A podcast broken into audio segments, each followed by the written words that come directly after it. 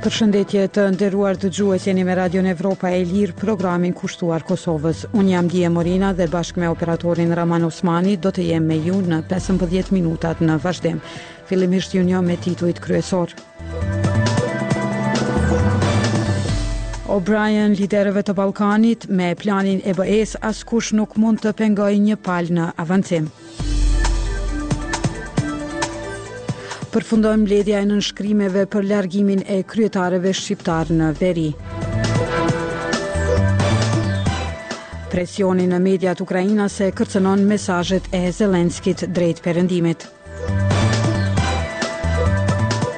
Për këto dhe të tjera informacione, ju ftojmë të qëndroni me ne. Radio Evropa e Lirë është media e pavarur amerikane e themeluar nga Kongresi i Shteteve të Bashkuara të Amerikës.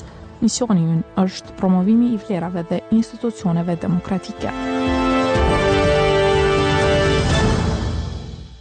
Ndihmës sekretari amerikan i Shtetit për Evropën dhe Euroazinë, James O'Brien, u ka thënë liderëve të Ballkanit Perëndimor se asnjëherë nuk kanë qenë më afër anëtarësimit në Bashkimin Evropian, por që kanë ende punë përpara.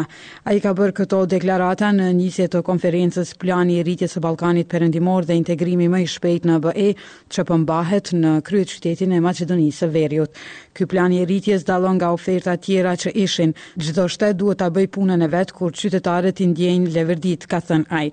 Zyrtari amerikan i ka paralajmëruar liderët e Ballkanit se nuk do të kenë mundësi për të penguar rrugëtimin e njëri-tjetrit, sepse nuk duhet të ekzistojnë çështje të pazgjidhura, dhe se kushdo që tenton të pengojë diçka do të përballet me ndëshkime. Nëse një shtet dëshiron të presë, të vëzhgojë, atëherë qytetarët e atij shteti do të vendosin nëse këta liderë politikë janë të duhurit, ka thënë O'Brien. O'Brien ka shtuar se mbështet nismën e një tregu të lirë mes vendeve të rajonit, duke përmendur pengesat që kanë pasur deri më tani bizneset nga ndalesat e shumta kufitare. Ai ka përgëzuar liderët e rajonit për gatishmëri në kryerje të reformave. Plani i BE-së për Ballkanin Perëndimor synon rritjen ekonomike të rajonit, përshpejtimin e reformave të duhura dhe kryerjen e investimeve që mund të avancojnë procesin e zgjerimit të BE-së me këto vende. Vlera e ndarë nga BE-ja për këtë plan në periudhën dy mijë e njëzet e katër, dy mijë e njëzet e shtatë është gjashtë miliardë euro. Kryeministri i Kosovës, Albin Kurti, ka thënë sot në Shkup se vlerat e Bashkimit Evropian duhet të bëhen reforma në Ballkanin Perëndimor, dhe se mbështetja e Bashkimit Evropian duhet të jetë edhe financiare. Republika e Kosovës sot do të dorëzojë listën e reformave të diskutuara, ndërkaq në ditët në vijim do të dorëzojmë edhe listën e projekteve indikative. Sa u përket reformave, aty në qendër e kemi reformën e administratës publike dhe të menaxhimit të financave publike, ndërkaq te projektet i kemi ato për agjendën e gjelbër, digjitalizimin, investimet në sektorin privat, dhe ngushtimin e hendekut infrastrukturor, ka thënë shkurt Kurti. Kurti e ka përmendur se ky plan përshpejton rrugën e Ballkanit drejt BE-së, diçka që sipas tij është edhe qëllimi edhe fati ynë. Nikoqiri i takimit është kryeministri maqedonas Dimitar Kovaçevski, ndërsa në të marrin pjesë kryeministri i Shqipërisë Edi Rama, ai i Malit të Zi Millojko Spajiç dhe presidenti i Serbisë Aleksandër Vuçiç. Përveç tyre, Shtetet e Bashkuara përfaqësohen nga ndihmëssekretari Amerikan i Shtetit për Evropën dhe Euroazinë James O'Brien, ndërsa në mesin e zyrtarëve evropianë është Drejtori i Komisionit Evropian për Fqinjësi Gert Jan Koopman dhe zyrtarë të tjerë. Kryeministri maqedonas Kovaçevski ka paralajmëruar miratimin e një deklarate në fund. Presidenti i Serbisë Aleksandër Vuçiç ka thënë se takimet e këtilla janë të rëndësishme për zhvillimin e rajonit. Vuçiç ka përmendur se në takimin e sotëm në Shkup për herë të parë po bisedohet vetëm për çështjet ekonomike, duke theksuar se për ato politike ka dallime të mëdha. Sipas tij, Serbia tashmë ka prezantuar projektet që kanë të bëjnë me projektet ekonomike në kuadër të Planit Evropian për Rritjen Ekonomike. Sa i përket Serbisë, ne e kemi prezantuar planin tonë për rritjen ekonomike për tre vjetet e ardhshme dhe përputhet me atë që po bëjmë me BE-në. Ne do të bëjmë gjithçka që reformën ta bëjmë që të mund të kemi qasje në mjetet financiare sa më shpejt që të jetë e mundur, së bashku me gjithë të tjerët. Besoj se të gjithë së bashku, duke punuar në këtë plan, do të bëjmë përparim të madh, ka thënë Vuçiç. Në dhjetor të vitit të kaluar, Bashkimi Evropian porositi vendet e Ballkanit Perëndimor se nuk ka më kohë për të pritur që t'i normalizojnë raportet ndërmjet tyre, por se kjo duhet të bëhet shpejt si kusht për të shfrytëzuar mjetet nga plani për rritjen ekonomike. Aktualisht Kosova dhe Serbia nën ndërmjetësimin e Bashkimit Evropian zhvillojnë dialog në Bruksel për normalizim marrëdhëniesh. Përparimi i tyre në dialog është përmendur si kusht për të pasur qasje në këto fonde të BE-së. Plani i ri për rritjen ekonomike në vendet e Ballkanit Perëndimor i miratuar nga Komisioni Evropian më tetë nëntor të vitit dy mijë e njëzet e tre është i bazuar në katër shtylla. Shtylla e parë është forcimi i integrimit ekonomik në tregun unik të BE-së. Kjo do të varet nga përshtatja e vendeve të rajonit me rregullat e tregut unik dhe paralelisht hapja e tregut të tyre në sektorët përkatës për vendet fqinje. Shtylla e dytë e këtij plani është forcimi i integrimit ekonomik brenda Ballkanit Perëndimor përmes tregut të përbashkët rajonal. Kjo sipas përvojës së BE-së do të ndikojë në rritje potenciale ekonomike prej dhjetë për qind. Shtylla e tretë e këtij plani është përshpejtimi i reformave fundamentale. Kjo nënkupton edhe sundimin e ligjit që ndihmon edhe në tërheqjen e investimeve direkte të huaja dhe forcon stabilitetin rajonal. Shtylla e katërt e planit të ri të Komisionit Evropian për Rritje Ekonomike në Ballkanin Perëndimor është rritja e asistencës financiare për të ndihmuar reformat. Këtu parashihet edhe propozimi për gjashtë miliardë euro ndihmë. Pasi vendet e rajonit në raportet tregtare me Bashkimin Evropian përfitojnë edhe nga marrëveshjet përkatëse të Stabilizim Asociimit, Komisioni Evropian propozon që të shkohet edhe përtej kësaj, duke bërë edhe ndryshime në këto marrëveshje për të pamundësuar kushte të barabarta në treg dhe mes vendeve në procesin e zgjerimit dhe vendeve anëtare të BE-së. Të gjitha këto qëllime janë në përputhje edhe me idetë që po realizohen përmes Procesit të Berlinit, si dhe krijimin e tregut të përbashkët rajonal. Nënshkrimi i peticioneve, i cili do të hapte rrugën për shkarkimin e kryetarëve shqiptarë në katër komuna në veri të Kosovës, tashmë ka përfunduar. Këtë e kanë konfirmuar për Radion Evropa e Lirë përfaqësues të grupeve të cilat e kanë inicuar këtë proces. Darko Vuksanoviq nga grupi për Zveçanin ka konfirmuar për Radion Evropa e Lirë se gjatë ditës së parë, të premten, është mbledhur numër i mjaftueshëm i nënshkrimeve. Në komunën e Zubin Potokut, ku nënshkrimi është kryer gjatë periudhës nëntëmbëdhjetë, njëzet e dy janar, janë mbledhur mjaft nënshkrime, ka konfirmuar Sërxhan Vuçiniq, njëri nga iniciatorët. Paraprakisht edhe Sanja Kërtiniq nga grupi iniciator në Mitrovicën e Veriut, ka thënë se procesi i mbledhjes së nënshkrimeve ka përfunduar. Të shtunën janë mbledhur nënshkrime të mjaftueshme edhe në komunën e Leposaviqit. Iniciatorët e nënshkrimit të peticioneve nuk kanë specifikuar se sa qytetarë kanë nënshkruar, duke thënë vetëm se janë mbledhur më shumë nënshkrime se minimumi i kërkuar. Në komunën e Mitrovicës së Veriut, peticionin është dashur ta nënshkruajnë së paku tre mijë e gjashtëqind e dyzet votues me të drejtë vote.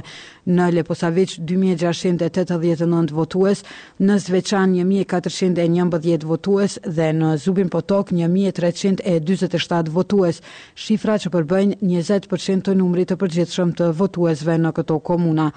Hapi i radhës është që peticionet e votuesve të regjistruar t'u dorëzohen kryetarëve të kuvendeve komunale.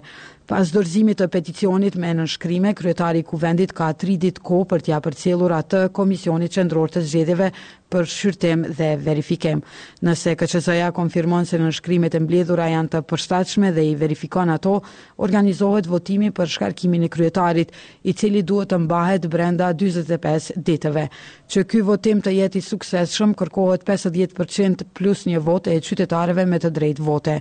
Pas kësaj, rezultati i dërgohet Presidentes së Kosovës, Vjosa Osmani, e cila ka një afat ligjor prej tridhjetë deri në dyzet e pesë ditë për të shpallur zgjedhje të parakohshme. Kryetarët shqiptarë u zgjodhën në prill të vitit të kaluar në zgjedhjet që u bojkotuan nga serbët, në shenjë pakënaqësie me politikat e Qeverisë së Kosovës.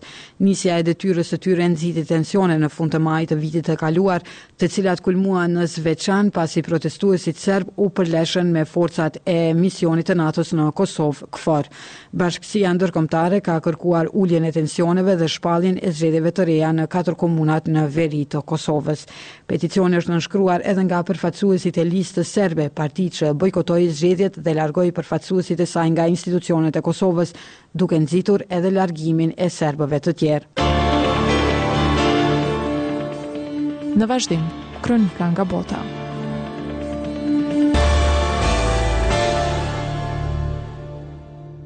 Më 16 janar një platformë pak e njohur e quajtur e vërteta e njerëzve ka publikuar incizime të telefonatave private në mes të disa ukrainasve duke diskutuar blerjen e drogave siç janë marihuana, MDMA dhe metamfetamina, si dhe një video në të cilën janë parë disa njerëz duke përdorur narkotikë në një shtëpi pushimi.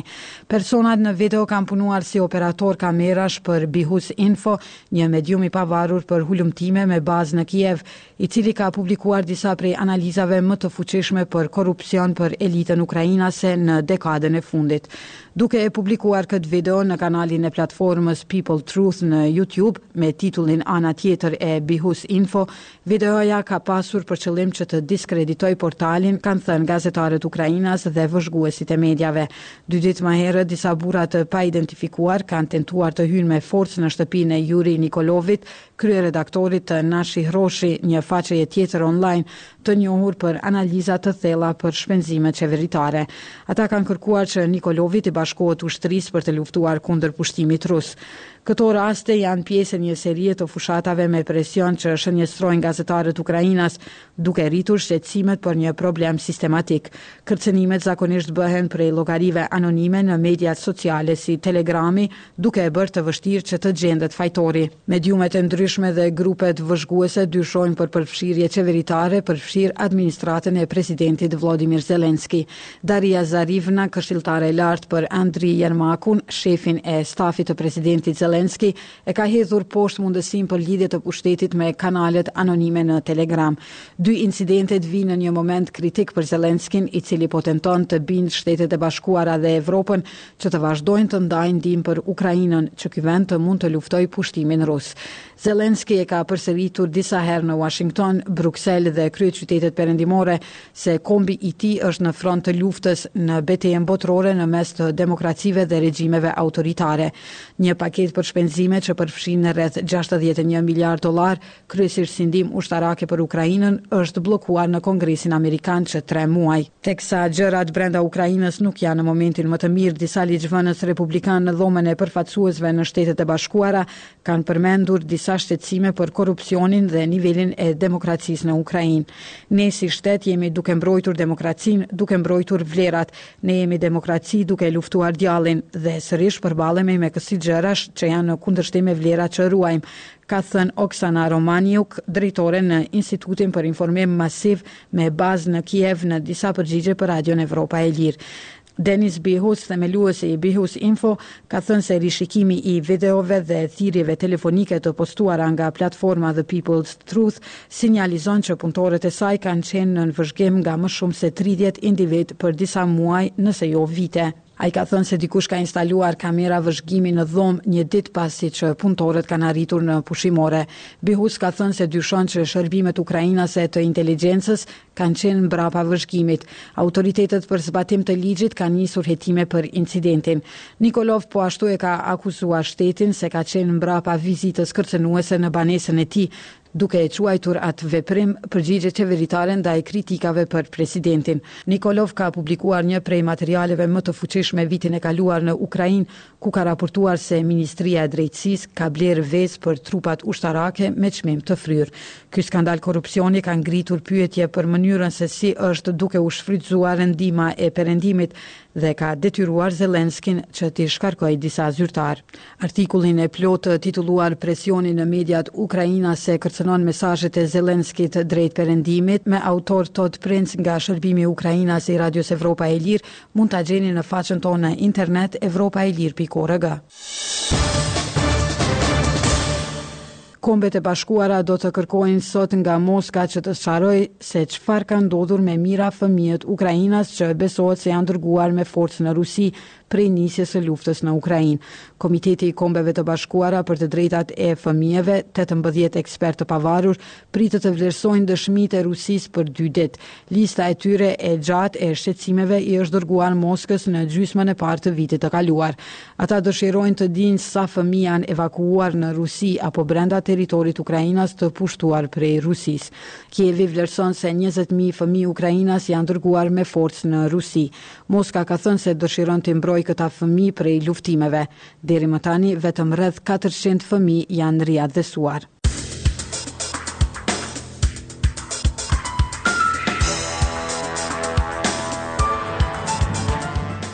Ishin këto të gjitha materialet e përgatitura për edicionin e mesditës. Deri në takimin tonë të radhës, mirë mbetshi.